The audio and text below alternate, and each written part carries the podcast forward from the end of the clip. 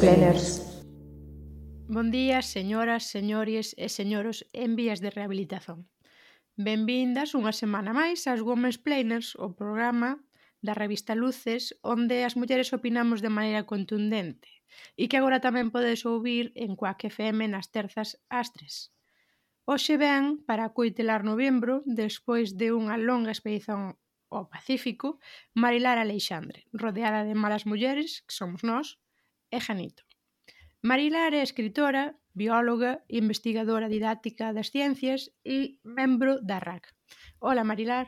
Ola, bo día. É unha honra participar neste programa que sigo con atención desde o seu inicio e ser convidada por estas mulleres eh, rabudas e afoutas que son as que a mí máis me gustan.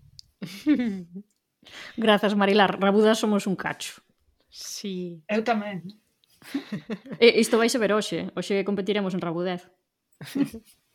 Ola tamén o noso asistente de confianza que nesta semana tivo as tardes libres libres de traballo dese asalariado, non libres de podcast, porque sabedes que Janito é o ame de todos os podcasts, o factotum. Que tal, Janito? Pois moi ben, sí que é certo que esta semana coincidiron aí un pouco os astros e o calendario festivo e tiven libre esas tardes, non tiven que ir á oficina, pero sí que tiven traballo na casa, e, como sempre. E tamén está como a nos, con nos, como a, como a todas as semanas, a malvada profe, que podemos desvelar ademais, como dato anecdótico, que é filla dunha alumna de Marilar. Bo día, malvada profe. Bo día, Genito. Pois efectivamente, a miña nai foi alumna na materia de, de bioloxía de Marilar cando ela daba clase ali no Instituto do Calvario, en Vigo. O que non vou dicir é en que anos foi isto, porque senón eh, lles adiviñan a idade e logo teño que dar eu contas. Está connosco tamén a Sara, de quen hoxe só podo dicir que non tivo unha gran semana, porque acabou o mes das cousas arrepiantes, que é a súa, cousa, a súa época preferida, e tivo que facer dúas gardas desas que fai ela para velar pola vosa saúde mental. Ola, Sara. Bo día, malvada profe. O que non lle tocou traba traballar a Janito tocou a min. Pero bueno, empeza polo menos outra época do ano que me gusta moito tamén que a dos magostos, así que a ver cando podo ir a un. Eh, como puidachedes escoitar, tamén nos acompaña, como en cada programa, a Saboridiña. Nun día como hoxe, lamento moito que só poidades escoitarnos e non vernos, porque estades a perdervos o brillante cabelo da Carme, que ven coa gena recén feita. Sí, señora, veño coa gena recén feita porque a gena é natural. Natural. Eh, natural. Todo natural.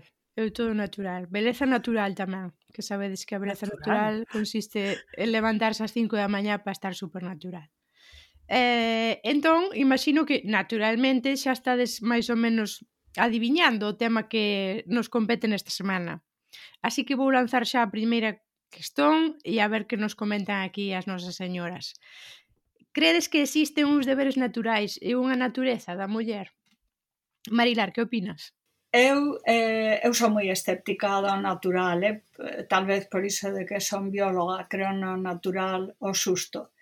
E sobre todo eh, non creo nos deberes naturais das mulleres. Eh, que, que, que aínda hoxendía é unha idea, é unha representación social moi difundida, mesmo en países democráticos onde sí, podemos dicir que hai un consenso en, en que mulleres e homens temos os mesmos dereitos.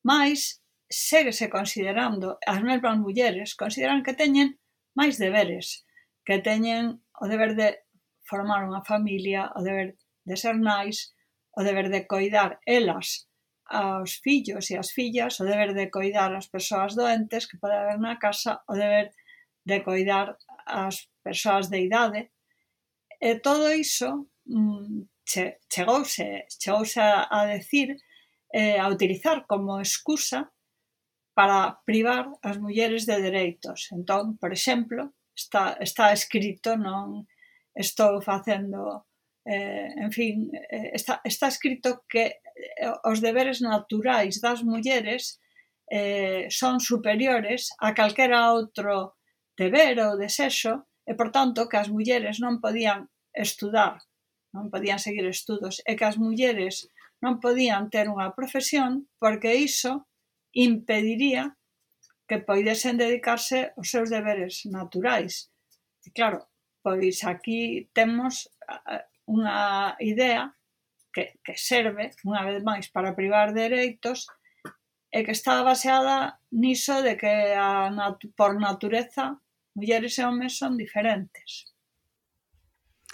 Mira, Marilar, e houve algún señor científico, presupoño que señor, porque sempre eran os que falaban e os que dicían cousas, que tivese algunha tese así argumentativa ao respecto disto dos deberes naturais das mulleres? Pois o peor, o peor, Sara, é que eran médicos. Entón, eh, temos... Cero sorpresas temos médicos eh, e además teóricamente progresistas, porque temos un médico, un dos médicos máis famosos eh, de Galicia do século finais do XIX, eh, comezos do XX, que é Roberto Novoa Santos, que igual oístes falar del, ten moitas rúas e cousas por aí, se fora por mí, pois non tería ninguna. Eh, e entón, este home mm, dice, Por unha parte, escribiu un libro, eh, un, un libro eh, que, que ten o, o título eh, eh, tremendo, La indigencia espiritual del sexo femenino, las pruebas anatómicas, fisiológicas y psicológicas de la pobreza mental de la mujer, su explicación biológica. Esto é unha constante ao longo eh, de toda a historia, pois eh, buscar unha justificación Eh, que o darlle o nome de científico, biolóxico, fisiolóxico, pois parece que, que en fin, que é algo máis sólido.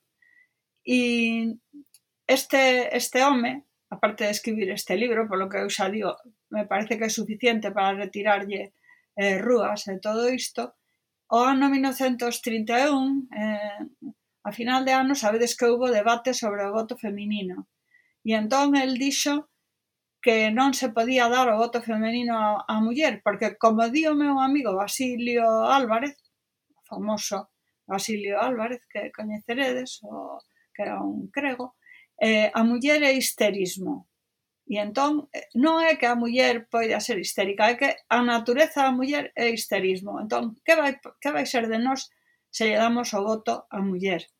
Eh, este é un exemplo e podíamos poñer outros de antes Mm, e de despois hai un médico Pérez Costales eh, famoso entre os liberais tamén de finais do século XIX que foi ministro eh, cos gobernos progresistas, cos gobernos liberais e este era totalmente oposto a que as mulleres estudasen e cando lle dicían exemplos pois eh, Santa Teresa, Teresa de Ávila ou outras mulleres, outras épocas a filla de Nebrija pois dicía unha muller que é literata ou unha muller intelectual é un monstro, é como eh, dicía, ten que ser hermafrodita, que para el pois eh, era. Entón, e máis adiante, eh, Gregorio Marañón, que tamén sabedes que é considerado unha persoa progresista. Marañón, xa en eh, 1948, por aí, eh, nun libro eh, sobre eh, o sexo, a sexualidade, di que as mulleres teñen unha natureza distinta dos homes, que non se pode apreciar en detalles anatómicos ou fisiolóxicos. Este, claro, eh, xa nese momento, pois sábese que non, que unha célula de muller unha célula de home, eh, igual, eh, non se pode apreciar, pero sí nos detalles máis íntimos do seu metabolismo, di, entón algo eh, pois intangible, e claro, eso impide eh, en fin, ele é partidario de que as rapazas estuden secundaria, mas non, a mellor xa tanto como a universidade non, porque non se poden dedicar ao labor astra, abstracto e creador. Algúns exemplos. Malvada profe. Sí, eu quería comentar que me resulta curioso cando penso nas declaracións destes homes que non, non son coetáneos nin nosos, nin dos nosos pais, nin dos nosos avós, pero sí contemporáneos deles, en pequena medida.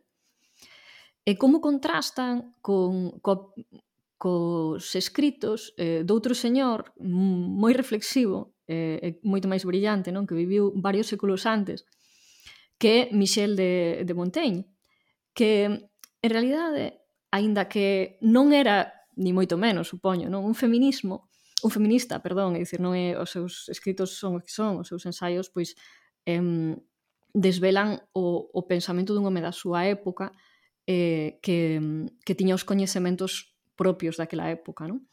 Pero eh, ten un capítulo, o capítulo 22 dos seus ensaios, que dedica ao costume e á dificultade de mudar os usos recibidos onde demostra que xa ten unha conciencia de que os roles de homes e de mulleres son moi diversos dependendo dos costumes da sociedade en que viven. Entón non os eh, non os adscribe a natureza, non? Moito menos a, a fisioloxía ou a bioloxía, senón realmente a, a cultura de cada, de cada lugar. Non? Temos que pensar que estamos a comezos do, do século XVII e que pois xa foron Eh, xa están a ser conquistados polos europeos, moitos e coñecidos polos europeos, moitos territorios que antes non o eran, pero que as, os relatos que chegan dali tamén están eh, pois filtrados por eh, pola ollada de persoas que non acaban de entender o que ven, eh, que medio converten en lenda algunhas das cousas que contan, pero ainda así pareceume que pagaba a pena lervos aquí un, un fragmento, bueno, son varios fragmentos en realidade que fun eh, fiando, eh, do capítulo en que, en que fala do, das diferenzas entre homes e mulleres. Hai países onde se ven bordéis públicos de homes, onde as mulleres van á guerra cos seus maridos e participan non só no combate, senón tamén no mando, onde os nenos están 4 anos ao cargo da ama de leite, e ás veces 12. En eses mesmos países consideras un perigo mortal aleitar o meniño o día en que nace. Xa estamos aquí coa crianza natural, o do leite, todo isto, a lactancia materna. Ollo, é que toca todo. Onde os homes levan a carga na cabeza e as mulleres no lombo. Elas ouriñan de pé e eles abaixados. En outras partes, as mulleres ostentan. Eh, perdón, en outras partes, as mulleres, sen cometer con iso falta, pertencen a varios homes. Hai países onde as mulleres sustentan, como mostra da súa honra, tantas franxas no borde do seu vestido como varóns con quen se xuntaron. O uso e o costume fixeron ás veces atribuir ás mulleres funcións que lle son normalmente extrañas e fixeron que empuxa, empuñasen as armas, conducisen exércitos e librasen batallas. Entón, pois iso aquí Monteña, aínda que por unha parte amosa a súa propia moral, non a súa extrañeza ante eses usos, e, e a súa idea de que é máis correcto, fala de moitos dos temas que imos discutir hoxe, desde eh, a certeza de que son froito do costume. Os roles de xénero nas funcións sociais, na moral sexual, nos hábitos de higiene e, e incluso na crianza. Non? E a conclusión a que chega ao final do capítulo é que non ten sentido argumentar contra un determinado costume criticando que vai contra a natura, contra a natureza, porque a natureza nos dá continuamente exemplos de incesto e de outras prácticas repulsivas, non para, para el xa daquela e para nós tamén. Eh, que o que realmente ten sentido é ver que costumes son máis proveitosos para os humanos. Eh, Marilar, sí. É interesantísimo este texto de Montaigne que non coñecía, mas eh, o que sí temos é un, un galego dous, pero eh, que eh, o, o pai Feijó, Frei Benito Xerónimo Feijó, que no seu teatro crítico ten un, un texto parte que é chamado Defensa das mulleres. E el di explícitamente que iso que se di de que as mulleres teñen menos inteligencia que os homes, que claro, se dixo moito tempo, que é porque non se dixo que as mulleres estudasen, é dicir, é outro ángulo, pero como di Montaigne, é que se, si, si se deixase, pois que se vería que non. Fisa, eh, Sarmiento xa di, di algo parecido. Saboreidiña.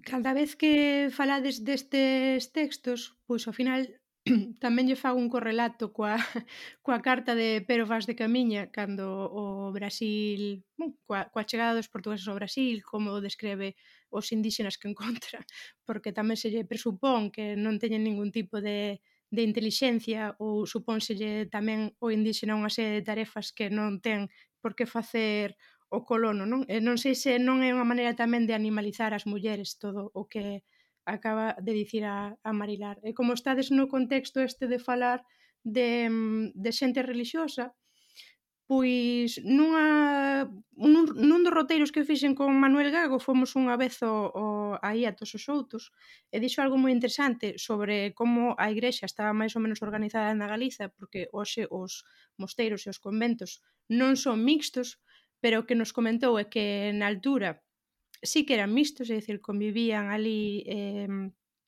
tanto frades como, como freiras, eh, ata que despois, en non sei que concilio da igrexa, de, se dixo que iso que, que era pouco menos que unha aberración.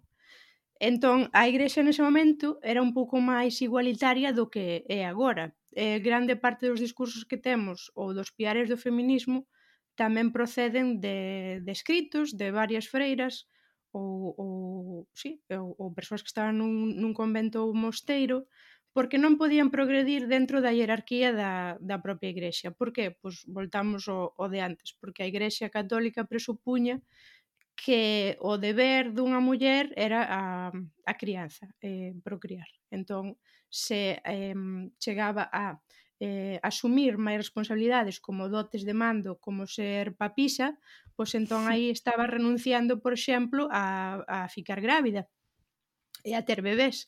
Eh, é algo que podemos poñer en balanza, eh, pois claro, noutras outras correntes do cristianismo, eh, non acontece así, non? Eh, eu creo que vemos eh, tamén moitos produtos de consumo de Estados Unidos, é, é fácil ver é, unha muller que é, é pastora da súa congregación, por exemplo. Non acontece iso así eh, en Europa. Eh, lembreime disto porque non sei se sabedes que agora o Papa Francisco non sei que tipo de, polle, de poder lle deu a unha freira eh, que mm, a Igrexa viu un pouco avalar os seus piares máis tradicionais. Eh, non sei se estivestes atentas a, a noticia, porque foi algo que saiu nesta, nesta semana. E ao final eh, tiveron que eh, chegar a dicir ah, Masela non vai mandar moito, vai estar un pouco dedicándose a cousas eh, de administrar tarefas para que a xente non se votase moito a, a tremer, claro. Marilar, non sei se querías falar... Non, non, eh, quería quería falar porque das cousas eh, das cousas que acaba de, decir Mar, mm, que acaba de decir Carme, pois hai dous aspectos moi interesantes. E un é que o mesmo tipo de argumentos eh, que se utilizaron para dicir que as mulleres naturalmente e se utilizan, eh, utilizanse aínda, que as mulleres eh, por natureza non poden facer isto ou outro, de máis alá, que as mulleres son menos inteligentes, que as mulleres non son capaces de investigar ou de crear arte, exactamente o mesmo utilízase eh, eh, eh de forma racista pois eh, contra as persoas negras ou indígenas uh -huh. ou tal, ou seja, que encontramos escritos e es, isto é unha das teses que dirixín a de Blanca Puig, eh, que é sobre o determinismo biolóxico, que é esta idea de que todo é xenética, pois estudamos eh, os, o, incluso o, estes documentos de Linneo eh, e como describe, sí, de, o sea, Linneo é o, o que crea as especies e todo isto, e como describe o que chama as razas humanas e como Eh, para alén de rasgos físicos que poden ser observables, non? A cor da pel, o, en fin, pois hai outras cousas como é a, os da raza blanca son obedientes e disciplinados e tal, e os da raza amarela son taimados e mentireiros, etc. Non? Entón, eh, pois isto sempre hai argumentos que tratan de buscar justificacións, de poñer unha etiqueta científica a cousas que en realidade o que supoñen son privilexios de un grupo sobre outro. E o da religión, pois eu creo que nos daría para moito, entón non sei se vos propoño eh, deixalo para, para outro momento, porque efectivamente pois hai algunhas persoas, como pode ser Feijóo Sarmiento, Teresa de Ávila, nas que vemos un eh, interese por romper moldes, eh, eu teño unha tía, Dolores Alexandre, que desta xente de teólogas e teólogos polo cambio que propoñen que as mulleres esan eh, tamén que, que digan misa e todo iso e que foi, en fin. Eh, mas eh, claro, a meirande parte, é dicir, a igrexa oficial, pois é unha parte importante no sometemento das mulleres. Malvada profe. Si, sí, eu quería dicir eh, tres cousas.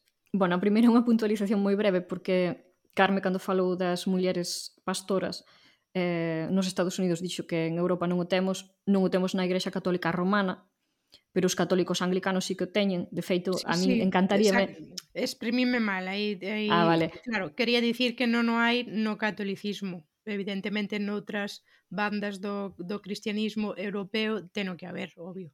Sí, sí, é que é, a min me dá moita mágoa porque teño unha, unha boa amiga feito que é católica anglicana e que é, la é sacerdote e, e, está casada con outro sacerdote, que outra cousa que poden facer os, os católicos anglicanos, eh, eh, a mágoa que non fale galego para poder convidala porque é unha persoa interesantísima e ademais eh, de estudar teoloxía antes fixo o seu doutoramento sobre eh, Mechtil von Band, eh, Magdeburg que é a mística alemá máis importante que hai é unha das mulleres máis interesantes da idade media alemá xunto con Hildegard von, von Bingen. De feito, quen a, queira, quen a quixer seguir, porque escribe en inglés, eh, esta a, amiga miña é a do, chamase, bueno, está como, non sei se como Doctor Reverend ou somente como Doctor Joe Kershaw eh, en, en Twitter, eu, eu sigo a podes buscala entre os meus mutuals. Eh, outra cosa que, que quería comentar é que isto que dicía Marilar, que eu sigo a ver moito, por exemplo, no, no racismo que hai moi concretamente na, na sinofobia, non? Que, que a mes está moi en ascenso desde que aconteceu todo o tema do COVID, pero é como se, tanto nos Estados Unidos como en Europa, esa perda de, de hexemonía mundial, non? eh, a mans de, de China, que medrou tanto como potencia económica, demográfica eh, e cultural até certo punto, non é aceptada. Eh, e sempre se intenta, eh, de alguma maneira, se non demonizar, alo menos eh, crear un certo demérito en todo o que fan os chineses. Non? E eh, o argumento doita ser que os chineses precisamente non son creativos, que somente copian, fan copias do que facemos os europeos, que, que en realidad os chineses non son tan inteligentes, o que pasa que teñen unha como unha cultura así para facer os neros moi, cha, moi chapóns, non? Moi, moi así moi nerds. E, e pareceme bastante terrorífico, non? E, e bueno, eh, pois é algo co que hai que loitar todos os días, en realidade, porque iso, igual que outras cousas racistas non as oio, isto de contra a China, os chineses así de unha maneira moi xenérica, así que oio nas aulas, e, e teño que, bueno, teño que corrixir moito iso, non? Despois unha cousa que me chama a atención é que acabo de lembrarme dunha anécdota familiar, non? Falando de até que punto moitas mulleres eh, e algunhas supoño que, que da nosa idade. Eu agora penso nunha familiar miña que é maior, pero non, non é unha, unha anciá, ni moito menos. E que un día me discutía convencidísima que, que a natureza da muller incluía certas cousas, é dicir, incluía de maneira innata certas cousas como o instinto maternal e dos coidados e non, e non ser tan violenta ou tan competitiva, baixo o argumento de que cando ela era cativa, estamos a falar dos anos 60, vale, ou quizáis comezos dos 70, que ela sempre se sentira inclinada a xogar con bonecas, eh, eh, con, con bonequiños destes que son bebés, se coidalos, se xogar a iso, mentres que os seus irmáns, pois, eh, naturalmente, eh, decidían xogar o fútbol e andar por aí a, a cazar píntegas e outros bichos, non? E, e claro, é, bueno, como con moitas persoas que todos temos nas familias, pois moitas veces decide xa incluso que non se pode discutir, porque eu pensaba, meu Deus, se ti non és consciente de que te crías nunha contorna onde, ademais, estamos a falar pois do franquismo, non? onde na túa casa a persoa coidadora é a persoa que coincide co teu xénero, que é a túa nai, que é quen se dedica a facer todas as, eh, todos os labores da casa, todo o traballo cos nenos, toda a crianza, mentres que teu pai que se que o home é o que vai fora, eh, con que se van identificar posiblemente os teus irmáns, o que vai fora, é o que foi a guerra, é o que gaña os cartos. E cando acendes a tele, todas as mulleres que ves están en roles de ama de casa, de mamá, nunca ves un home eh, cun bebé no colo, cambiando cueiros, eh, os anuncios das bonecas de famosas son os que son. eh, e se non chegas á conclusión de que todo iso non é innato, eh, eu non sei, quer dicir, non sei que, que, máis, que máis se pode facer. Marilar. Eh, creo que Sara quería dicir algo. Eh, en relación ao que dis da natureza de cuidar da muller, eu percibo moito nos hospitais tamén.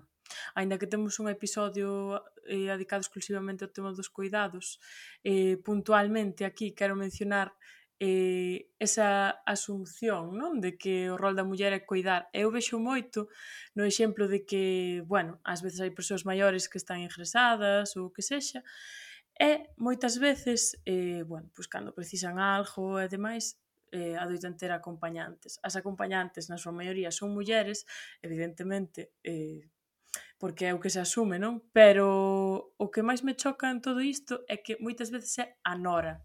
A nora. O fillo non, a nora é a que ten que cuidar. De feito, pasoume A, a semana pasada, nunha das gardas de urxencias, había un señor que decía avisa a miña muller ou a miña nora para que me veñan buscar ou para que me veñan axudar a vestir. Eu en plan, pensando, claro, porque o teu fillo non, non pode facelo, non? Hai que buscar os maridos orfos.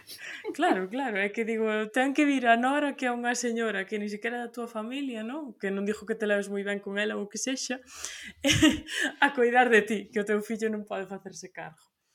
Pero bueno, mm, así está a cousa. Eh, Marilá. Sí. A ver, eh, é que eu isto da Nora, o sea, eh, claro, cando dicimos que hai esta representación social de que os coidados son atribuídos ás mulleres, eh, claro, isto, isto se si non asumiran as propias mulleres, é dicir, hai como tantas cousas, si, si un día todas as mulleres deciden que non, que os cuidados son a repartir, eh, pois en, eh, eh, eu teño visto varios casos, bueno, por suposto, o que diste que veña a Nora, eh, pero un caso que estou lembrando que é de dúas persoas que son os dous, home e a muller, son da miña idade, eh, esa, teñen bastante idade, profesionais, xente cun perfil de investigación e tal. A nai del, enferma, eh, pois non lembro se era, en fin, Alzheimer, que, pero algo xa de ao final estar encamada. E quen a, coidaba a, a, a muller, por tanto, a Nora. Entón, isto que distí, claro, e, e tamén esta historia de que as nenas eh, por natureza, por instinto, xogan con bonecas e que eu isto como dei Mm, na miña parte de didáctica de ciencias e pensamento crítico moitos cursos a profesorado sobre a cuestión do, o sea, a discriminación de xénero en ciencias, que cando eu empecé a, a facer os primeiros artigos que escribí sobre isto, que eran nos anos 80, pois a xente decía, non, as ciencias non, as ciencias son obxectivas, non? E entón, eu lembro discusións precisamente sobre isto, é dicir, non me digas que unha nena desde pequena pois non lle gusta facer unhas cousas diferentes, claro, eh, eh, todo eh, o que dicía María, pero é que prende prende a tele, non? Porque incluso as miñas irmás tratando de educar os fillos e as fillas pois eh, de outro modo, é, é unha das miñas irmás que é o que cociña é, é el, son os dous médicos, pois a nena na escola pois dicindo, non, é que que ven traerme o cole é, é meu pai, que era a nai, e entón, non, pero a ver se si eu vexo, non, porque miña nai non conduce, que era mentira, é dicir que chegan a, a inventar algo para pensar que se asustan a normalidade, incluso un día a miña irmã empeza a inventar un conto, porque había uns pitillos que tal, entón o papá pitiño estaba cociñando, a mamá pitiño ia a traballar e entón a filla interrompe, debía ter como cinco anos así e dille, non, mamá, non. A mamá Pitiño era que facía comida, o papá Pitiño e diela, pero a ver, que fai a comida nesta casa e diela, pero mamá, estamos falando dunha familia normal, non? Entón... Tremendo. É así. Agora é moi feminista, eh? teño que dicir. Por sorte, menos mal. As Women's Planers. Un podcast da revista Luces explicando cousas desde 2021. Malvada profe. Sí, eu, eh, iso do que fala Sara, ou bueno, do que falades en xeral, é un, algo que tamén comentamos no, no episodio dos cuidados, un pouco por riba, pero eh, non sei se cheguei a contar anécdotas concretas, pero unha cousa que é moi irritante como profesora, digo unha profesora de ensino secundario, porque se és mestra, xa mestres poucos hai, hoxe en día. Pero eh, na, no secundario, que aínda somos pois a metade ou dos tercios mulleres, e eh, aínda hai bastantes homes, eh, acaban recaendo sobre nós ou acaban presumíndosenos tarefas de coidado. E cando digo coidado, refirme sobre todo ao coidado psicolóxico, claro, porque eh, os rapaciños da nosa idade xa non necesitan que, bueno, que, que lles dean de comer ou que, que que os acurruquen da mesma maneira pero que, que os homes non se lles presupoñen. Até o punto de que a min teñen, eh, teñen me vido nais, que polo que me resulta ainda máis irritante, porque unha vez me rebotei con unha, eh, me, me plantei e dixenlle que, que eu non ia falar con ela desas cousas, cando daba clase en Zaragoza, porque pediu unha tutoría conmigo, eu pensando, pero se este neno en alemán vai perfectamente, bueno, era unha nena, esta nena en alemán vai perfectamente, viña a falar conmigo de problemas de titoría, porque pensaba que o titor, que era un home, ia ser menos receptivo. E entón eu dixen, señora, eu vou falar con vostede da materia de alemán da súa filla e de calquera asunto de titoría ten que falar co titor, entre outras cousas porque facer unha titoría dese tipo supón primeiro recabar información entre os compañeiros a través normalmente dunhas plataformas onde tes un rol como titor e como profesor sin máis non podes facelo, non? E tamén lembro outra anécdota de, de que está super heavy que porque neste caso o diálogo coa nai a nai entendeu, no? E ademais ela mesma creo que sentiu avergoñada despois do que fixera, non? De, de cando se decatou do que estaba facendo, que era cargándome a min cun traballo que non era meu, e ademais desde unha perspectiva de xénero bastante chunga, non? Porque a mí me parecía unha muller pois moi intelixente, a que estaba ali falando comigo e expliquei yo.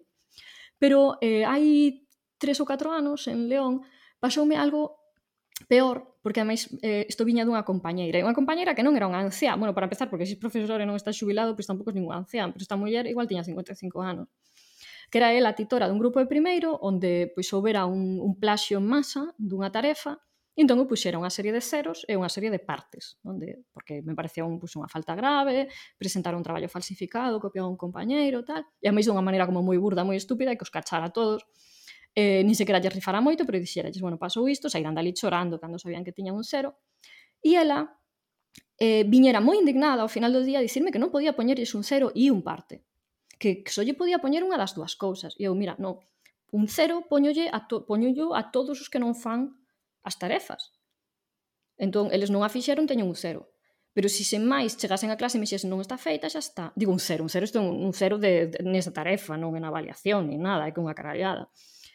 Pero digo, se ademais cometen a deshonestidade de copiar, eu teño que poñer unha, tomar algún tipo de medidas. A medida consiste en poñer un, un parte que é o que chamamos unha incidencia, que simplemente que lles chegue un SMS aos seus pais dicindo o teu fillo copiou unha tarefa, o teu fillo de 12 anos, sabes?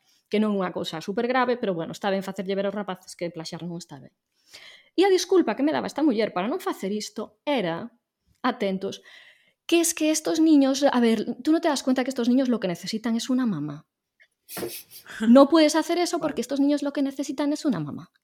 E eu, a ver, mira, María Teresa, e aparte ela viume así como moi borde a, eh, diante dos compañeiros en, eh, na sala de, no salón de actos, e eu dixenlle, María Teresa, estos niños ya tienen una mamá en su casa, todos. Por suerte non está huérfano ninguno.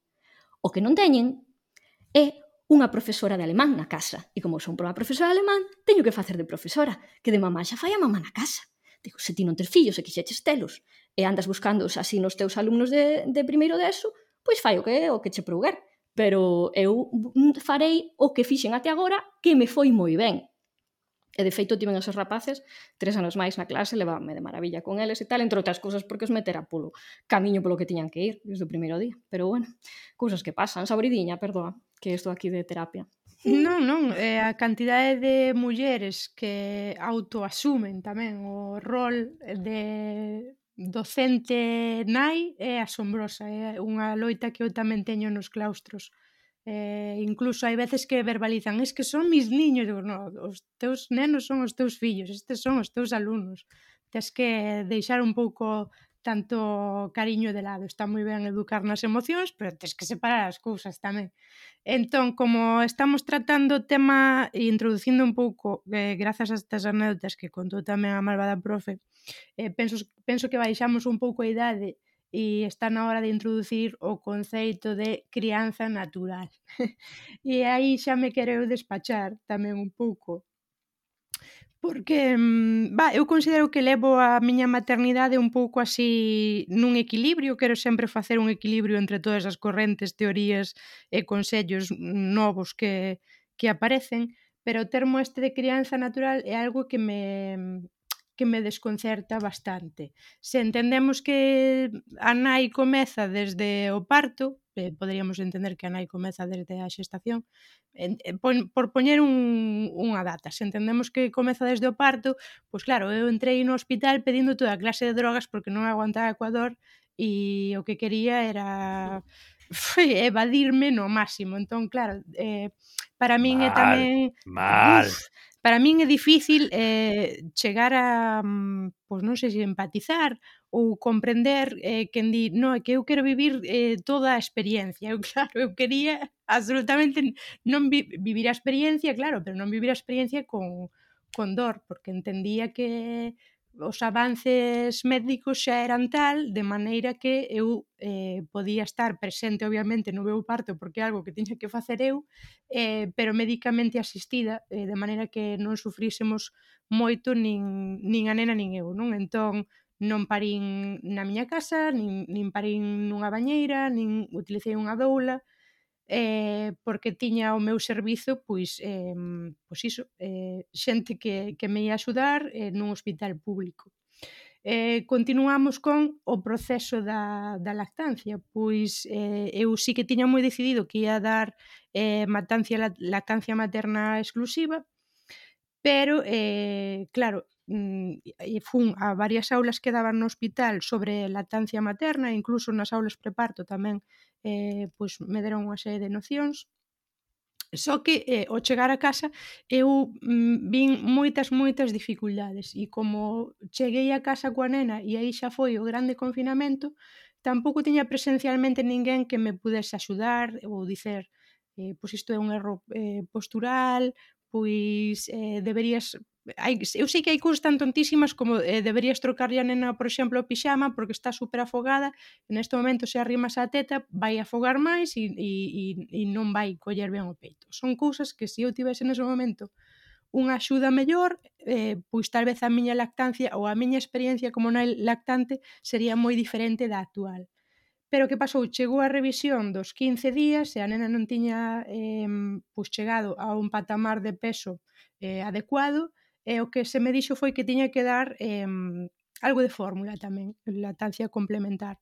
Para min foi mal outra vez, mal, mal Para outra foi vez. completamente traumático e hoxe digo que mm, foi unha estupidez a reacción que eu que eu tiven porque sentín como que eu vime moi empoderada cando fun capaz de facer un parto vaginal por min mesma, dixen, wow, todo o que foi capaz de facer o meu corpo. E aí, cando me dixeron, no, tes que axudarte de un biberón, dixen, uh, pois eu pensaba que era descubre a túa deusa interior a través da menstruación e a través do parto e son unha fraude porque realmente teño que estar dando un biberón e agora que son capaz de mm, manter unha distancia con ese facto digo, pero que estupidez é dicir, a, a de comentarios que eu recibín de no, no, que ti tes que estar facendo algo mal, eh? porque mm, se ti non produces todo o leite suficiente para o teu bebé é unha cousa rarísima, porque todo o mundo é capaz de facer isto.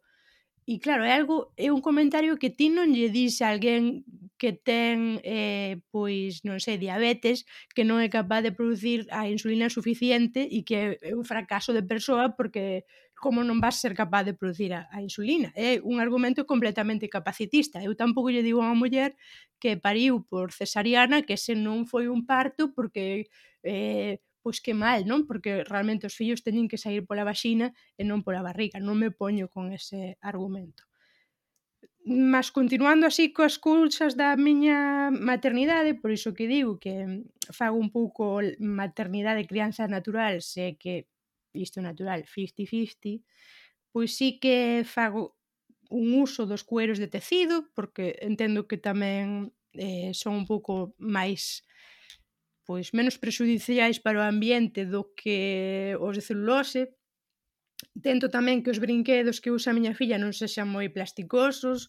Se tiven a opción de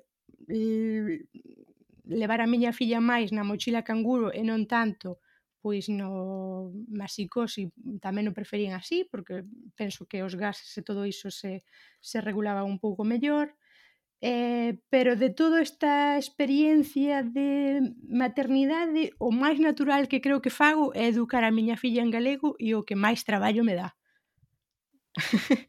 o que máis traballo me dá.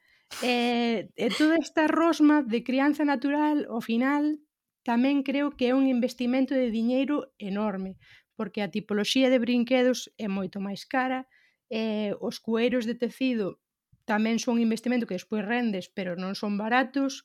Eh, eu, por exemplo, quero manter a miña filla tamén o máximo posible de tempo afastada de, pois, eh, ecráns, non? Eh, TV, computador e todo iso, e sei que se eu optase por eh, ter a filla pasmada máis tempo nesa serie de aparellos, pois a vida sería moito máis fácil para min e tamén así para o seu pai eh, ou se fósemos a un restaurante e eu dixese, non, non, optamos polo menú infantil, que ao final o menú infantil é o máis antinatural, é grotesco e noxento que hai, porque son espaguetis con salchichas, eh, pois tamén sería unha vida moitísimo máis fácil no restaurante, pero optamos porque a nosa filla coma o mesmo que, que comemos nós.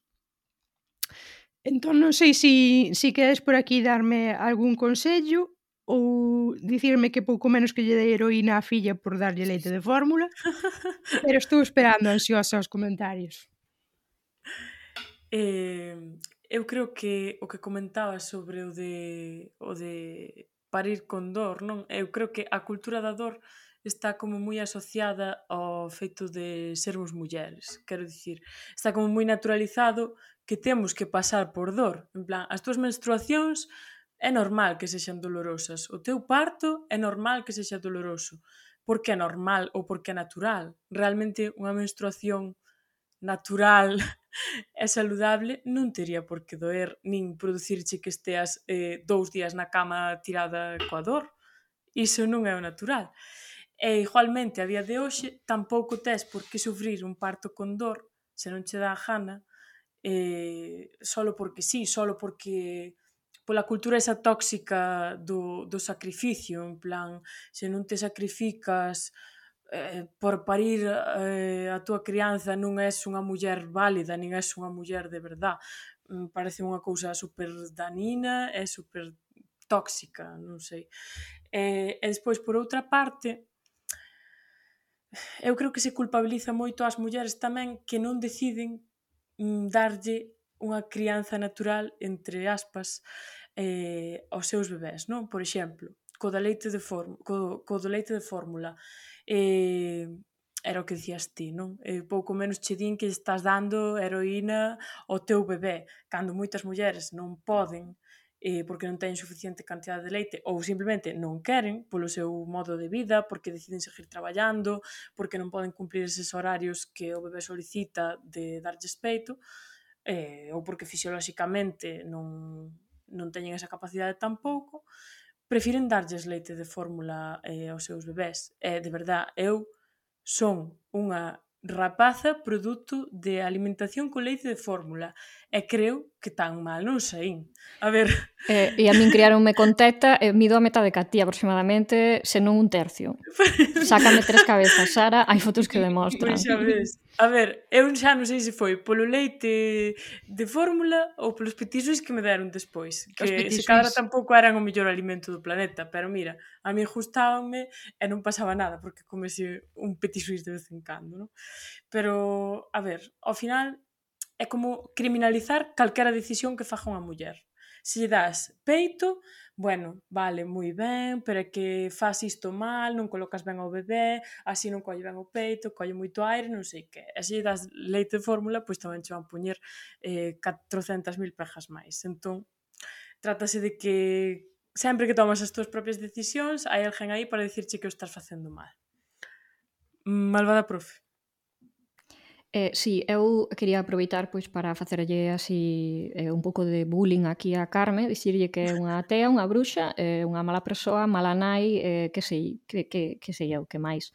Eh, nada eh, novo. Eh, non o digo eu. Todo verdade, non digo, nada novo. Nada novo, todo que cousas que sabíamos, e a máis agora sabemos que é medio mega. Claro. Non o digo eu, dicho Deus en persoa, Carme, eh? desde as páxinas do Antigo Testamento, na Xénese 3.16. Claro. A muller díxolle Terás moitos afáns na túa preñez, parirás con dor os fillos. E aí estás ti pedindo epidural en canto entras pola porta. E eu teño a, a fronte sudorosa de tanto traballar, ademais, que gaño pan co suor da miña fronte. Ti, ti, sí, ti faz o do, ti faz o traballo o, tra, o do home, o de Adán e o de Eva. Pois sí, e tamén quería comentar a propósito da crianza natural o que estabas eh, contando, non dos eh, dos cueiros de, de tecido, etc. Que este termo, crianza natural, todo xunto, xa está registrado como empresa, parece ser, e hai unha web que leva o mesmo nome.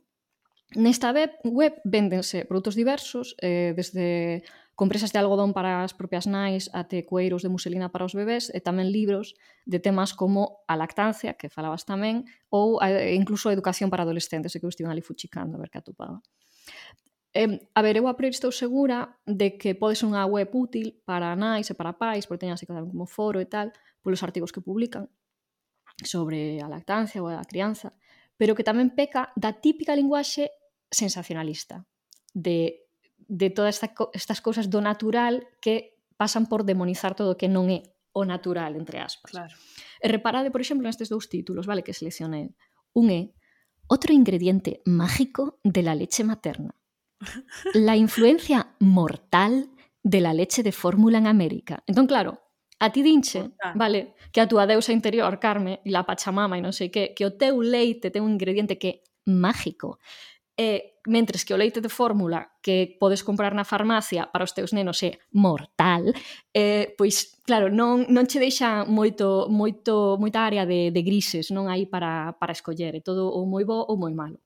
Eu, Ai, despois... pero, sabes, pero sabes que sí que hai un ingrediente máxico. A min o que me fixo maxia de, do meu leite materno foi... Eu, eu parín e estiven como unha semana por casa en tetas eh, caldeusa egipcia, Aí sí que me sentín unha eh porque non podía aguantar eh, a dor que eu tiña no peito e sobre todo nos mamilos. Pois eh, xa vos dou un consello se estades nestes apuros, se usades o voso propio leite sobre os vosos mamilos, esas fendas que se crean nos primeiros días porque o bebé está sempre aí amarrado, aí sí que hai unha componente super máxica. De resto, xa non, non, non o podo asegurar pero aí sí o teu propio leite é cicatrizante para esa serie de cousas.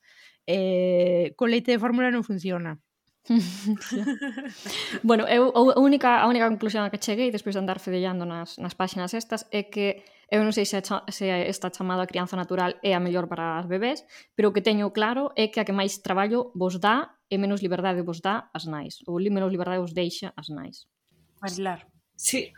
Eh, É que eu quería incluso ir un pouco máis atrás, porque o da maternidade é algo que está moi asociado á idea natural da muller e entón, pois as mulleres que decidimos non ser nais, eh, aínda que agora está mudando, pero máis no meu tempo, cando eu decidín isto pois, nos anos 70, e resulta que non somos mulleres de verdade, non? Como dicía Sara, ou non somos mulleres completas, é dicir que hai eh, aínda hoxe pois unha corrente de pensamento forte e neste momento eu creo que hai en ascenso pois esa idea de poñer nun altar eh, todo o que é a maternidade e a crianza. Por exemplo, eh, Ana Iris Simón, por poñer, por poñer un exemplo de xente nova.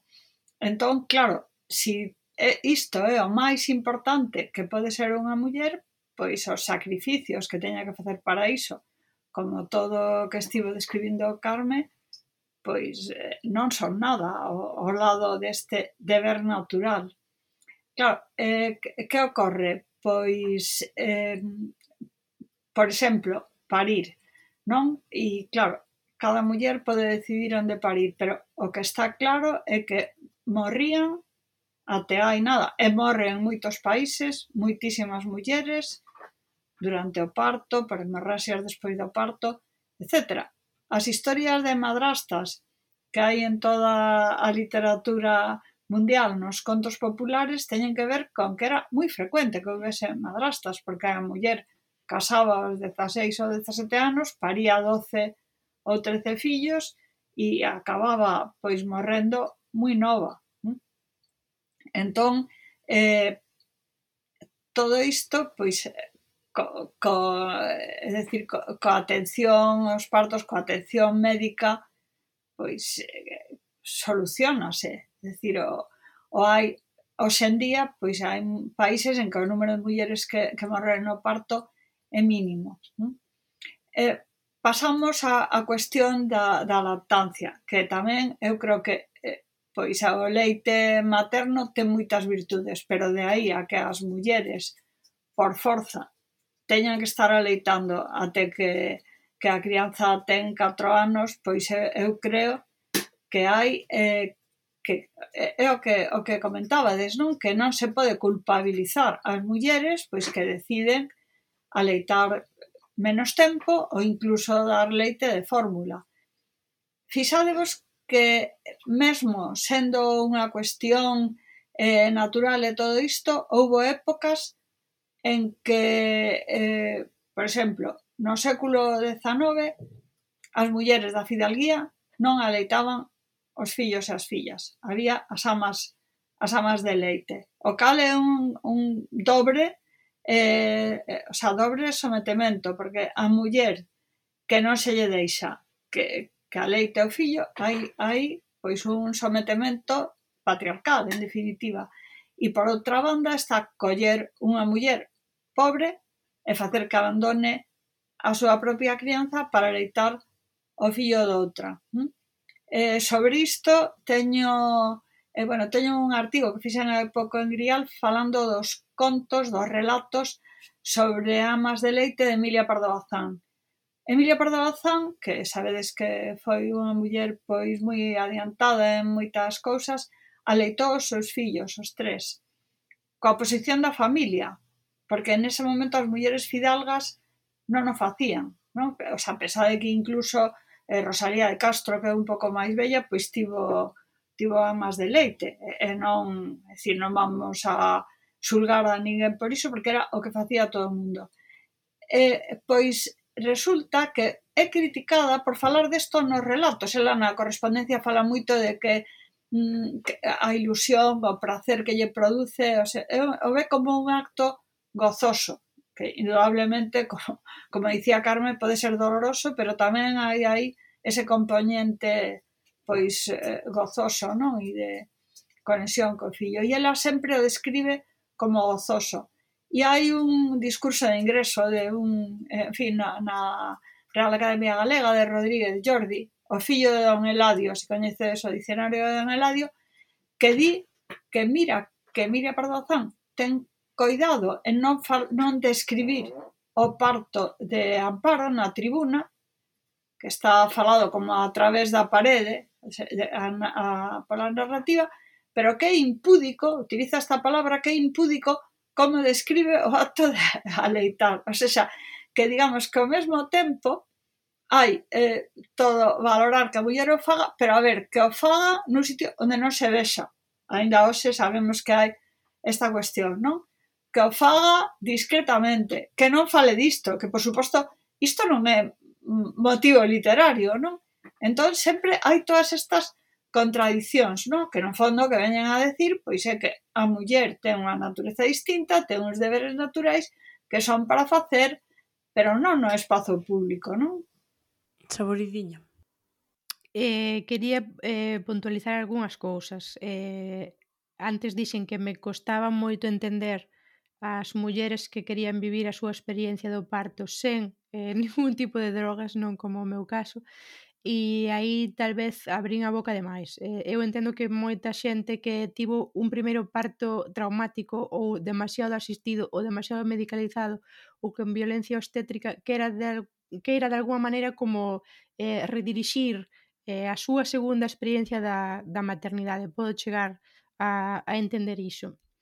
Eh, despois, en canto á lactancia, que voltou agora ao tema eh, marilar, eu penso que foi perdido un, un saber, que era un saber ancestral, eh, de saber amamentar, porque en todas as casas antes había un bebé ou varios bebés, e, e, e claro, Pois no meu caso, eh, eu estaba confinada, como estábamos todos, pero había moitos, moitos anos que non había ningún bebé na miña familia, entón tampouco podía levantar o teléfono e preguntarlle a miña nai, mamá, entón como facías cando? Porque, porque unha, eh, eu tamén son unha nena criada co leite de fórmula e entón non tiña a ninguén experiente nese sentido que pudese relatarme en primeira persoa ou aconsellarme en primeira persoa. Entón, todas esas unidades de latancia materna que existen nos hospitais parecenme super valiosas. O que, o que a mí me desgasta moito e, e me desgastou unha foi o comentario ese de que mm, eh, algo estaba a facer eu mal ou o leite de fórmula non sei que pero outro que me fixo moitísimo dano é que, eh, claro, o meu vínculo coa miña filla non ia ser igual porque o vínculo natural é o vínculo establecido pola lactancia materna. E eu digo, pero que me estás contando? Eu agora con todo este nivel de, hormo, de, hormon, de hormonios, como me podes dicir isto que evidentemente me vai sentar mal? É dicir, pareceme unha falta de empatía eh, enorme.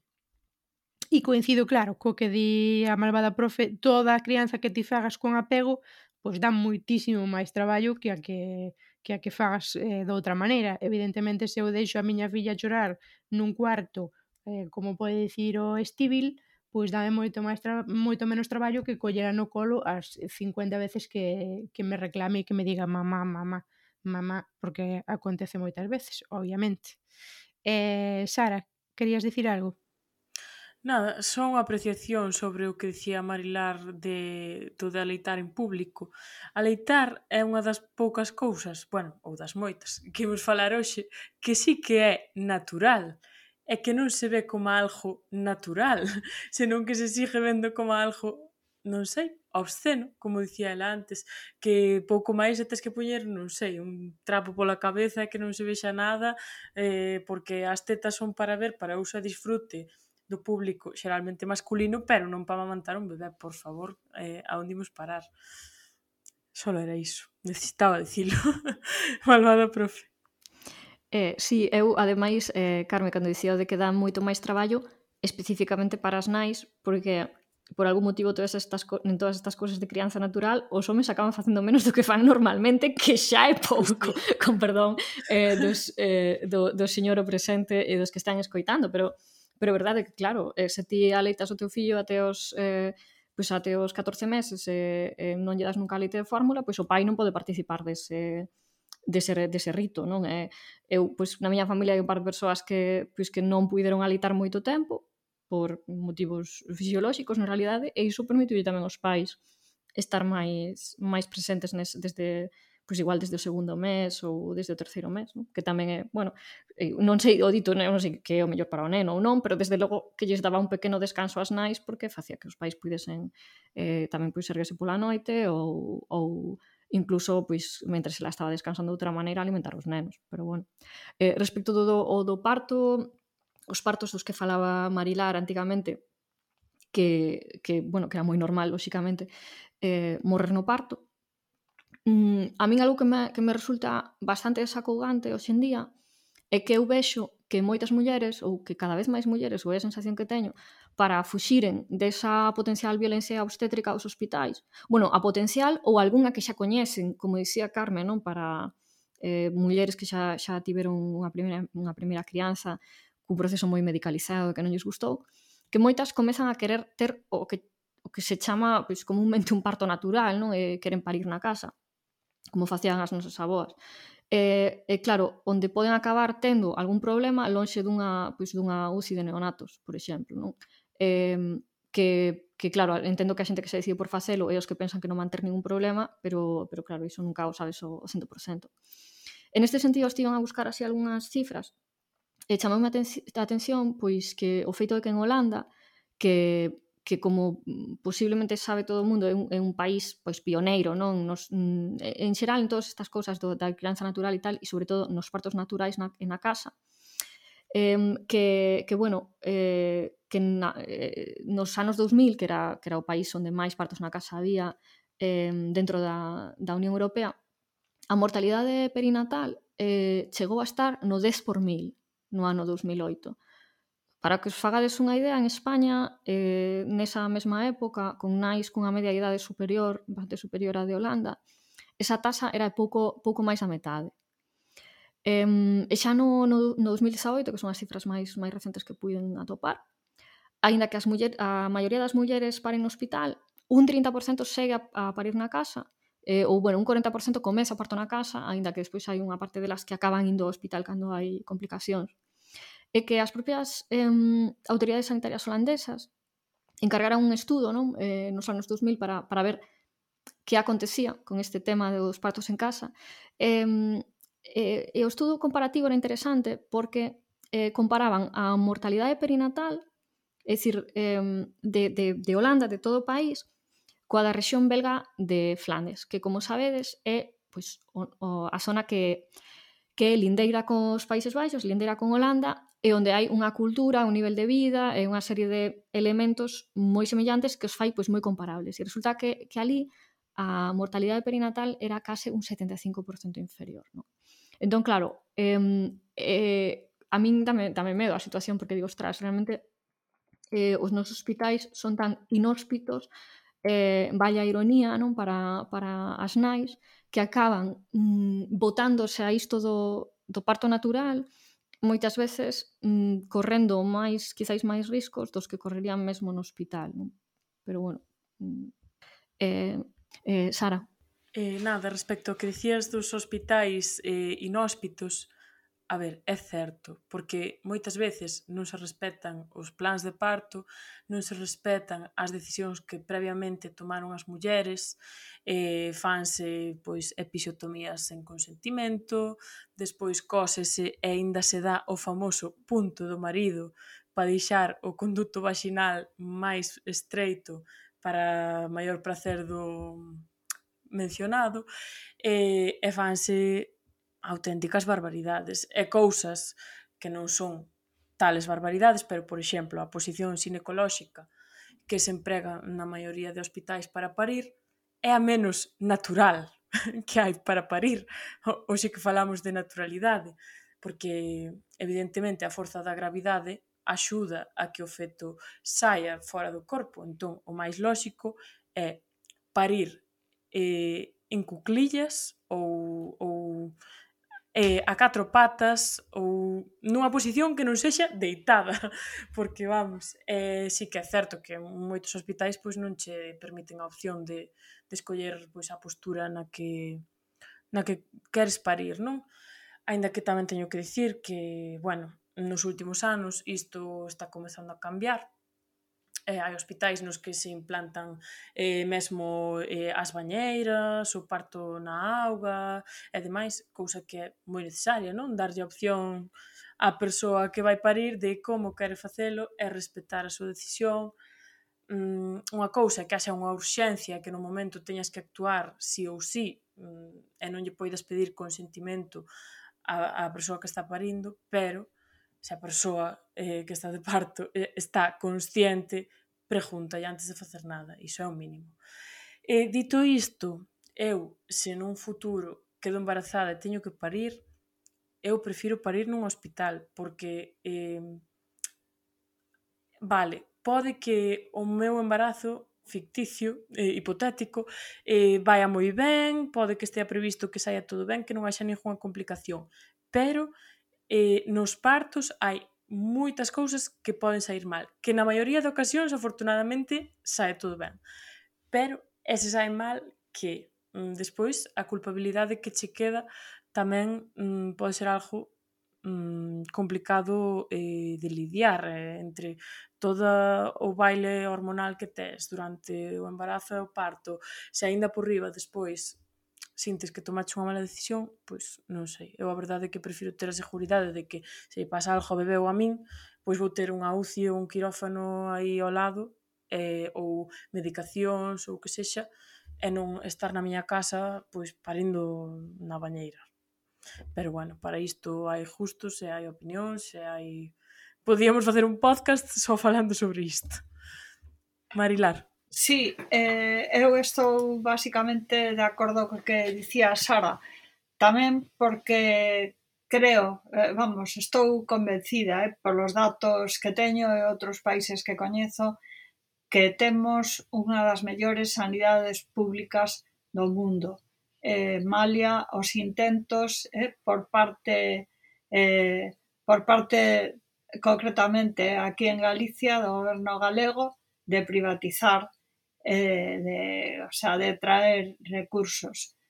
Eh, mais iso é outra cousa. Entón, eh, creo que, que como, como na lactancia e como moitas cousas, pois hai que respectar eh, distintas opcións que, que toman distintas mulleres, mas non se mm. pode facer un discurso, bueno, eu polo menos creo que ten perigo ese discurso de que os hospitais son un lugar que non é un bo sitio para os partos e, e sí, sen dúbida, pois houbo cousas e eu, eu creo que está mudando agora, pois que eh, houbo xente que tivo experiencias que non foron boas, isto que se chama violencia obstétrica, e todo iso, máis digamos que estatísticamente, o sea, está claro que parir nun hospital é algo que salva vidas, é decir, que, que salva a vida da muller, se hai problemas, e que salva vidas de nenos, como, como son as estatísticas non? Que, que comentaba a malvada profe.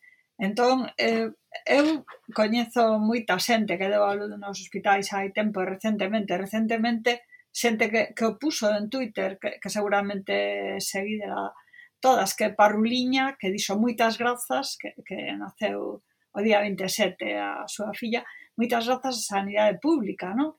Entón, eh, é dicir que, que hai, desde logo, xente que tamén pois ten un, unha boa experiencia. E eu creo que é algo que en Galicia e eu creo que de todo o Estado temos unha tendencia hipercrítica a dicir que, que todo noso, moitas cosas son malas e de forma moi global, non? todo eh, xeralizando cando eh, eh, noutros países, e un exemplo é Estados Unidos, que estiven traballando ali algunhas tempadas, pois eh, eh sempre están loubando. Eh, está moi ben ter, ter espírito crítico, mas eh, eu que, en fin, é unha das cousas que estudo, o pensamento crítico, non é dicir que todo é malo, é dicir isto é, habería que mellorar na sanidade pública, pero globalmente pois é moito máis seguro parir nun hospital. Podgalego. Podgalego.agora.gal. Oh, ah, eu sabía que era punto. A ver, veña, dicímolo outra vez. Podgalego. Podgalego. Podgalego. Podgalego. Podgalego. Podgalego.agora.gal. No, outra vez, outra vez, outra vez que non está, non está grabando agora. Moita xente facendo cousas moi interesantes que está comunicando en galego. Podgalego.agora.gal. Pois eh, cando a malvada profe estaba lendo antes isto do Xénese, eh, lembrei unha, unha parte do Levítico, hm? que di que é unha abominación que as mulleres leven roupa de home e os homes leven roupa de muller. Hm? Entón, de feito, eh, podemos lembrar que, que Xana de Arco foi queimada eh, eh, do que foi acusada, é dicir, tiña moitas cousas contra ela, era unha muller que estaba no espazo público ocupando un lugar eh, que non correspondía, Mais unha das o, a acusación foi que levaba roupa de home. Lembrade que estaba nas batallas e, e tal. Eh, e, e entón, en Francia, un decreto de, da Francia eh, revolucionaria eh, proibía ás mulleres levar eh, roupa de home, levar pantalóns, chamado decreto de travestismo. Hm? De modo que, eh, claro, vos pensade, cando foi a Revolución Francesa, por certo, vou facer aquí unha paréntese para dicir que cando se fala da Declaración dos Dereitos do Home e todo isto, home e cidadán na Declaración dos Dereitos non é masculino xenérico. Non é masculino xenérico porque despois chega o LIB de Gus e di dereitos da muller e da cidadá e guillotina, non? Pero entón isto estamos falando de finais do século XVIII continúa tanto tempo que unha muller famosa que levaba pantalóns, eh? Eh, que Roxanne, pois tivo que pedir unha autorización. O decreto ese, pois dicía que había que pedila. Claro, despois realmente pois non se poñía en práctica, pero o máis, en fin, para min o, vamos, o, o que me pareceu fascinante pois é que non foi derrogado até 2013. entón, eh, pensade que, que claro, sempre houve mulleres que vestían de home, e ao mesmo tempo os cregos vestían de saias e non parece que iso fose unha abominación, non? Eh, Emilia Pardo Bazán é que escribiu un libro sobre o seu feminismo ano pasado, entón venme moitas destas a cabeza. Ten un artigo sobre eh, Elisa e Marcela. É un artigo só sobre Elisa, Elisa Sánchez Loriga, ¿no? E ela eh, o interpreta, eh, parece que o interpreta máis ben como unha muller que se sente home É moi curioso un artigo de 1901 escrito un mes despois de, da boda e que se descubrise no que ela non censura, non critica ao revés. Di que Elisa é unha muller afouta, é unha muller compara, en fin, coa Monxa Alférez e tal, e especificamente o que si di explícitamente por que non pode vestir cada un como lle dé a gana. Este, estas mulleres vestiran de home. E por que? Por que non, non pode ser? E pon outro exemplo de un francés que ao revés, un home que, que vestía de muller e que, digamos, pois seguramente se sentía muller, non? O se diríamos con outros termos, pero, pero é, é curioso como todo isto, simplemente a roupa, pois foi perseguido o sea, durante, durante moito tempo tamén, porque segundo o Levítico non era natural Malvada profe. Sí, nos, nos institutos de secundaria eh, non so país é diferente, pero hai países onde hai códigos de vestimenta que son moi diferentes para os rapaces sí. e para as rapazas. E o das rapazas adoita estar bastante mediatizado polo que se consideran os pulos naturais dos seus compañeros varóns, que iso é algo bastante repulsivo. Pero bueno, de roupa tamén podemos facer un episodio aparte, penso eu. Eu agora o que vos quería preguntar era que pensades eh, dos alimentos naturais se vos comprades así comida desta como moi natural, que levan etiquetas que di todo natural. O viño da casa, todo natural, non leva alcohol, non leva pos, non leva nada. Saboridiña. O licor café da bañeira do desván. Eh, sí, sí, natural. Sí. Pois eh, recoñézome como unha persoa que non mira moitísimo as etiquetas das cousas, mirando cantos es eh, teñen a, a verdade. Pero quero introducir aquí unha subpregunta á pregunta, porque, por exemplo, a miña nai entendería a pregunta de unha maneira completamente diferente. Eh, para ela, pola súa cultura, que supoño que é máis tradicional pola idade que ten, que ten 83 anos, eh, se a levas a comer a un restaurante onde a cociña, non a, o tipo de cociña é con moitas especiarías e non tan baseado na materia prima, Ela entende que a comida é unha absoluta porcaría que ten que estar podre ou a materia prima é mm, má. Porque ven dunha tradición galega que é cocer e botarlle as cous pimentón e aceite. Entón, para ela iso é o máis eh, natural. Lonxe diso é un insulto á propia comida. Eh, que supoño que o que sentirá calquera persoa do Xapón vendo o que lle facemos o, o peixe aquí, claro. Eh, en relación á pregunta real, que é iso da dos alimentos que supoño bio e tal, aquí non é tan fácil eh, que eses alimentos alegadamente bio sexan etiquetados como bio. Sei no por, bon, eh, teño un amigo que ten como unha explotación de gado e si que intentou facer yogurtes e que tivesen esa etiquetaxe e é extremamente complicado que iso chegue a acontecer.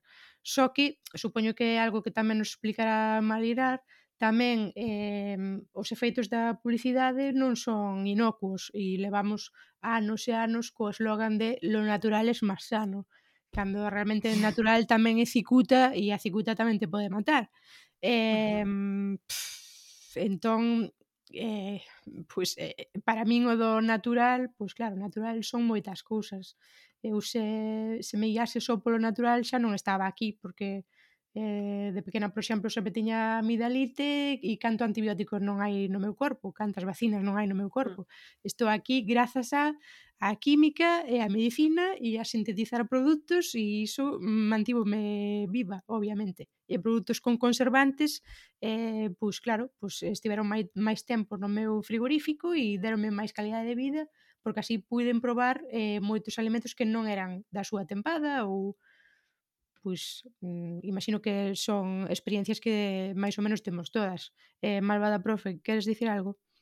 Eh, sí, eu a verdade é que teño unha idea sido que é natural bastante parecida da túa nai. Outra cosa que, de feito, pois me gusta bastante a comida eh, xaponesa, outras comidas máis especiadas, pero sí que eu persoalmente entendo por algo natural algo que non está proces que non está moi procesado. Por exemplo, iso algo que está cocido con auga e sal, pois natural.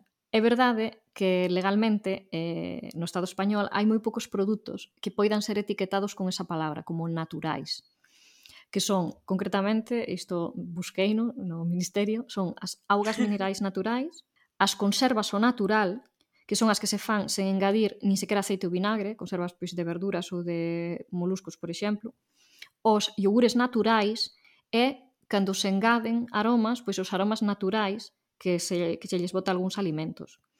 Eh, de feito, bueno, falando do que é natural ou non, non, por exemplo, pois comida en conserva, pois pode non parecer moi natural, pero claro, cando pensas en termos demográficos, a poboación humana do planeta cando comezou a estoupar e a medrar de maneira exponencial, pois despois da revolución industrial, por que? Porque eses alimentos que agora eh, comezaron a, a, a poder producirse eh, con esos procesos que agora en parte despreciamos non de maneira máis eficiente, e porque sobre todo tamén puideron comezar a conservarse e desa maneira tamén se evitaban moitas eh, moitas intoxicacións que, que había antes, non? Antes tamén había conservación por, por salazón e outras cousas, pero bueno, das latas de conservas pois, aínda que tamén houbo moitas intoxicacións, supoño por botulismo a conto delas, eh, permitiron alimentar a moitísima máis xente. Iso un feito. Eh, e despois, bueno, o resto dos avances médicos pois xa os citaches ti, non? Vacinas, antibióticos, etc. Eu, vamos, eu no século XIX non chegaba aos 10 anos, xa te digo. Eh, a min, respecto da etiquetaxe, máis que bio, porque dicías bio, claro, que son os, os produtos de, de orixe ecolóxica, non? Eh, non me preocupan tanto porque está todo moi codificado. Preocúpame máis outros termos que relacionamos co natural, sen dicir a palabra natural, que son caseiro, tradicional, Eco. artesán, Entón, bueno, non sei como, como vos sentides vos cara estes termos. Marilar. Claro, é que depende de, do que tenamos por iso, porque eu, por exemplo, pois a meirán de parte do que comemos na casa de mercado na praza de abastos, entón aí pois hai o peixe, a verdura, tal, iso é natural, e, e cando falamos grelos, eh, e, tal, patacas, en, en Galicia pois hai moitas pequenas explotacións que seguen un tipo eh, o, o, que, o que dicías ti máis ben tradicional eh, que, que non, non utilizan toda esa eh, cantidade intensiva non de fertilizantes e, e estas cousas. Entón eh, claro, iso por unha banda quere decir que eu creo que aquí en Galicia temos unha alimentación bast eh, menos procesada. Isto vaise perdendo, porque a medida, este, este, en fin, hai, hai estatísticas que mostran que cada vez a xente pois come máis comida comida procesada, non?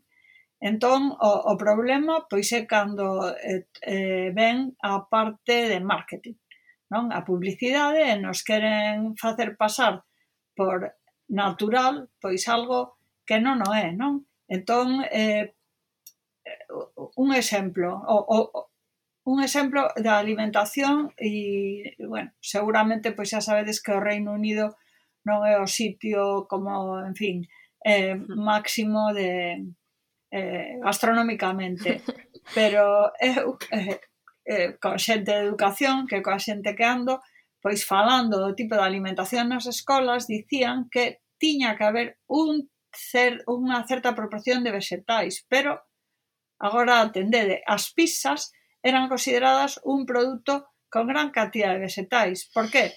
porque levan el concentrado de tomate. Entón, pois quero decir que hai unha serie de, de trampas e de cousas que ao final pois fan que, que en fin, que, que realmente o, o que queren pois é venderche, é dicir, son estrategias comerciais moitas veces, mm. non?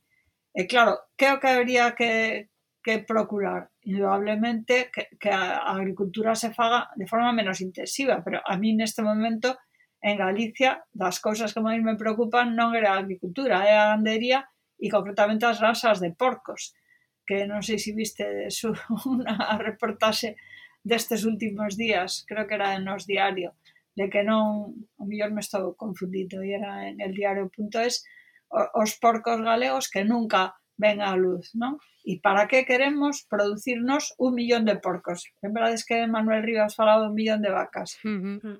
Marilar, que pensei, queremos... pensei que ias introducir o tema do bispo de Solsona, que agora dedícase a inseminar porcos. Que maravilla.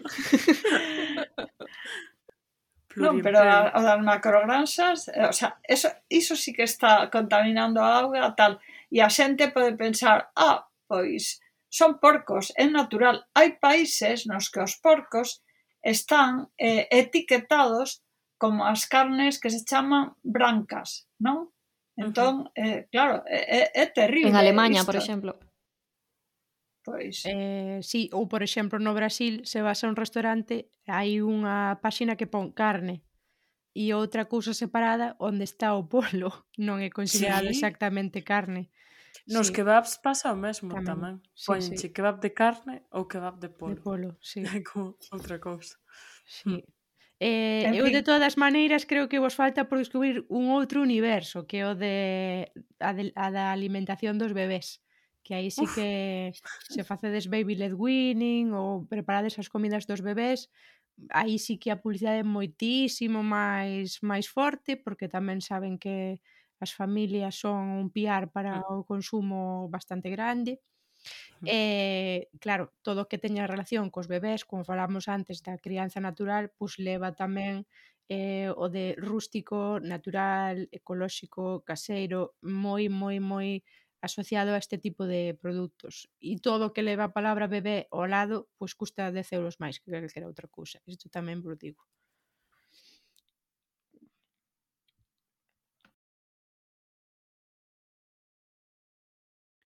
Mira, ao fío disto que comentaba eh, sobre o tema da alimentación dos bebés, a miña filla pasou unha mala noite, foi a noite na que naceu no hospital, e a partir de aí dormiu mínimo sete horas seguidas. Entón, foi unha nena boísima. Que sorte. Pero para comer foi un sufrimento. E eh, nos daquela eh, cociñábamoslle a, a comida na casa, dábamoslle a comida, todo isto. Pero mercamos un aparello especificamente para facerlle a comida. Unha cosa chamaba Baby Cook, que era como unha unha especie de termomix ou algo así. Picastes, eh? Picastes e compraste. Sí, sí, sí, sí, sí, sí, sí. Aparte, Os pais desesperados. Que, aparte que, eh, aparte decían, no, no, no, no, porque, claro, cociñas no momento o que ten que comer e non podes guardar. Bueno, iba a ser agora, vamos, aparte, claro, o rollo de que antes o primeiro, bueno, non sei se, se escoitaste isto algunha vez, nos pasou nos, pasou nos, cando tes o primeiro neno ou a primeira nena, todo é tensión e, e, e vixiancia e estrés e cando nace o segundo iso relaxase, o traballo multiplícase pero a tensión disminúe eh, exponencialmente entón o segundo uh -huh. eh, o sea, o primeiro cae, cae o que hai non sei que, bueno, todo el lavar, non claro. sei que, esterilizando, non sei si, todo non sei se contaron, Janito, o, que, o, bueno, o que acontece a... coas fotos. Contaron xa que acontece coas fotos entre o primeiro sí, e o segundo. Sí, sí, sí, que no primeiro hai fotos de cada... De, bueno, eso vivino tamén, claro. Sí, no, no primeiro tes fotos de, de cando espirra, de todos os sí, días, sí, a primeira vez que apaña un lápiz, a primeira vez que dá uns pasos. O segundo, Eva, pois xa fixo ato de graduación na universidade, veña, caerá agora unha foto. Sí, sí, sí. A min pásame con miña irmá, eh? debe estar a pobre desesperada. Mira, nos o único que fixemos ben con do, cos dous, co, co, tanto con neno como coa nena, que non usamos, o sea, sí que tiñamos o aparto ese para quentar os biberóns, pero dábamoslle o, o, o bueno, a nos, nos demoslle leite de fórmula case no primeiro momento, nos non caímos aí, bueno, nos, neste caso, máis a, a miña a nai dos, dos nenos que a min, pero nos non caímos non tanto nesta nesta gran expectativa e, e presión eh, simultánea que hai que, que leva as mulleres a que esperen o mellor da, da lactancia natural e ao mesmo tempo se lles exixa que a, que a que esa, esta reacción pendular fronte a, o, o, a implantación nos, nos 60 ou nos 50 da leite de fórmula. Pero no caso é que nos eh, dábamos os, o, o, dábamos o leite a temperatura case ambiente. Entón, nos cando tiñamos que sair da casa, levábamos e non había problema, non tiñamos que quentalo nin nada.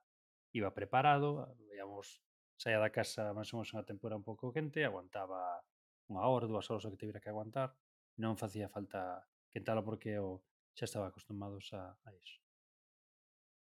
E nada máis, isto era o que quería comentar sobre a alimentación dos bebés. Saboritinho. Pois en relación á alimentación está outro tema natural que non tratamos, que é a higienización de todas esas cousas eh, porque sabedes que agora, incluso a pandemia veo agravar isto, eh, hai un exceso de limpeza, porque estamos seguido co xel, mm. eh, nas casas tamén hai unha loita contra os ácaros, entón, algo en que se me insistiu moitísimo nas aulas preparto, e eu agradecí moito, porque, xa vos digo, teño as miñas resalvas con isto do natural, é que a matrona, pois díxenos, eh, non hai por que estar higienizando todo, eh, 24-7, porque se entrades nesta obsesión tamén estades facendo con que o sistema inmune do bebé non coñeza certas pois ameazas sí. externas que, que ten que coñecer. Entón, todas estas cousas de higienizar o biberón, comprar un aparello para higienizar, comprar outro aparello para higienizar, pois o que sei, o garfo, a culler e o non sei que, un deterxente especial para limpar o bibe, outra escoviña especial para limpar o bibe por dentro, eh, outra cousa por se usas chupete, pois tamén higienizalo de outra maneira, eh, pois aí eh, dixen, pois mm, tampouco sei moito de bioloxía, pero o, as nocións que teño, dime que esta muller ten toda a razón, máis razón que un santo. Sí.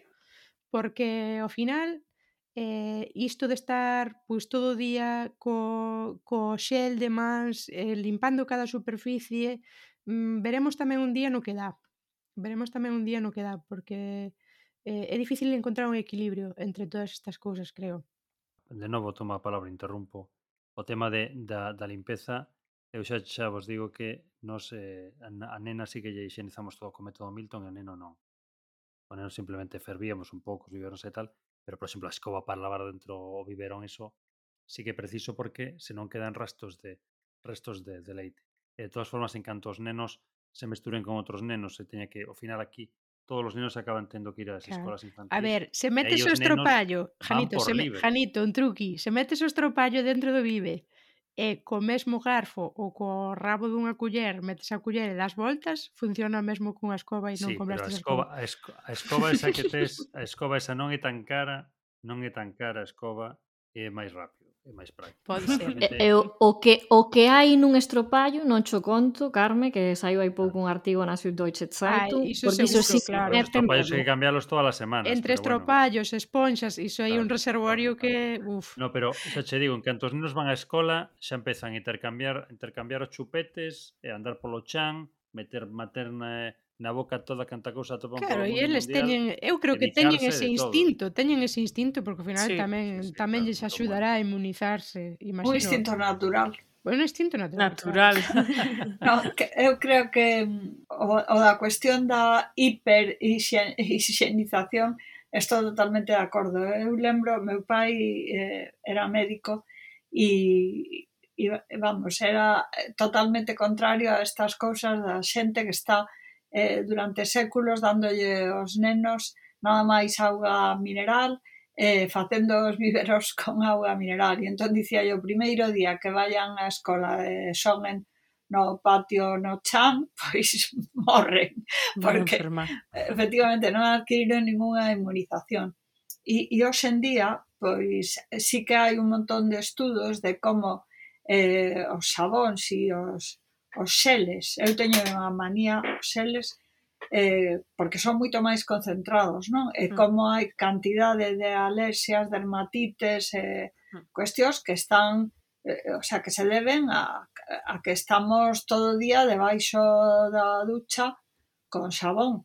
Cando, a ver, unha cousa é a higiene, unha cousa é iso, e outra cousa pois é, é un exceso de eliminar o sea, bacterias que é imposible eh, da nosa vida, non? E, e, e, e que temos tanto que cohabitar con elas como de ir adquirindo certas inmunidades. E que eu creo que o mellor é que nos desparasite unha femia alfa da manada. É moito mellor.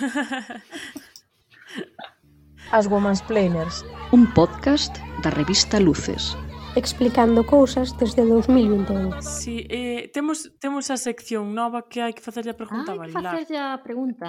Sí. E que agora temos unha nova sección, Marilar, que que a convidada da semana pasada deixou unha pregunta para ti, ti vas ser a primeira que responda, Eh, ti tes que deixar unha pregunta... Deixou a pregunta sin saber quen eras. Sí, sí, sen saber que ti eras ti. E é unha claro. pregunta que, que che ven que ninguna luba esa pregunta. Tiveche sí. sorte. Tiveche e despois, sorte o sea, esta é a pregunta de Iris, pero ti tes que facer tamén a pregunta para a semana que ven sen saber quen vai ser a convidada tamén. Exacto. Máis que unha pregunta, teño unha reflexión. Prezada Marilar, Iris Xestoso deixou esta pregunta para ti a semana pasada. Que libro me recomendarías e por qué? A ver, cada eh, eu eh, cada semana podo recomendar un libro diferente pero si teño que recomendar un clásico pois recomendaría Matar un rei señor eh, por qué? porque é un, un libro de unha autora eh, Harper Lee de unha autora que hoxe en día eh, temos algo de, de datos para saber que posiblemente pois fose lesbiana, pero desde logo o que foi considerado é o que chaman os ingleses un tomboy, é dicir, unha rapaza, pois que diríamos en galego, pois marimacho ou algo así.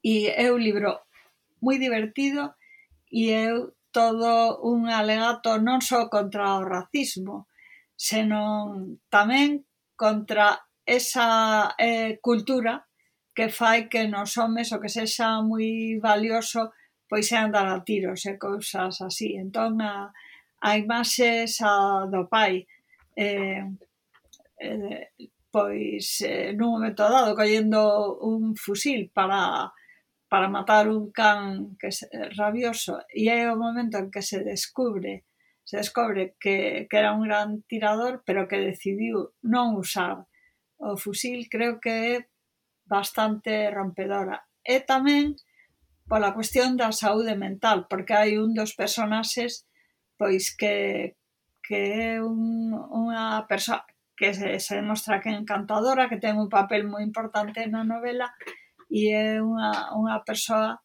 pois que, que ten problemas mentais. Entón, creo que é unha novela, pois, a mí pareceme maravillosa, si só podo recomendar un. Eu quería facer un máis un eh, a Marilar, porque ese libro xa foi recomendado neste oh. episodio, ne, neste episodio, perdón, neste podcast, pero nun episodio da tempada pasada que fixemos en, en marzo, polo Día do Pai, eh, cada unha de nós falou dos seus dos seus pais de ficción preferidos e o meu era Atticus Finch mm. que non tiña nada que ver nadísima que ver con que fose Gregory Peck na película absolutamente nada que ver con eso. nada, completamente cousas que non teñen ningún tipo de relación Pois até aquí o episodio de hoxe.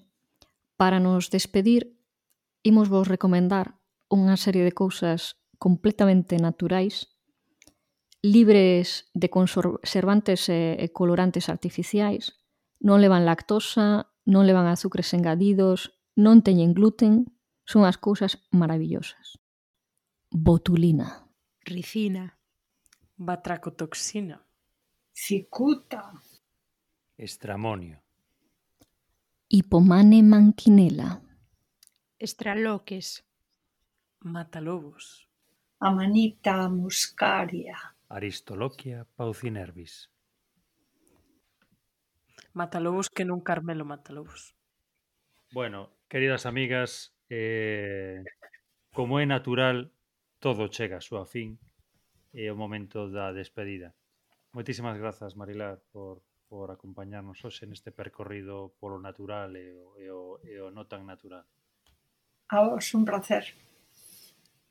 Eh, moitas grazas por estar aí, Sara. Grazas a vos, naturalmente. Moitas grazas, Carme, con ese brillo natural no teu cabelo. Eu sempre o teño natural, con ese enxena. Até a próxima semana. Eh, moitas grazas, eh, malvada profe. Eh, moitas grazas a ti, eh, boas noites, vos digo, coa miña natural maldade. Eh, máis nada, eh, o ciclo natural da semana chega ao seu fin, chega este programa, pero haberá máis. Vémonos a semana que ven. Ata a próxima. Isto eh, sairá os xoves. O xoves a 5, como sempre, sí. O xoves as 5 e o martes ás 3 en Cuac, se non se esquece. O martes seguinte ás 3. Ás 3. Se non se esquecen. Se non se esquecen.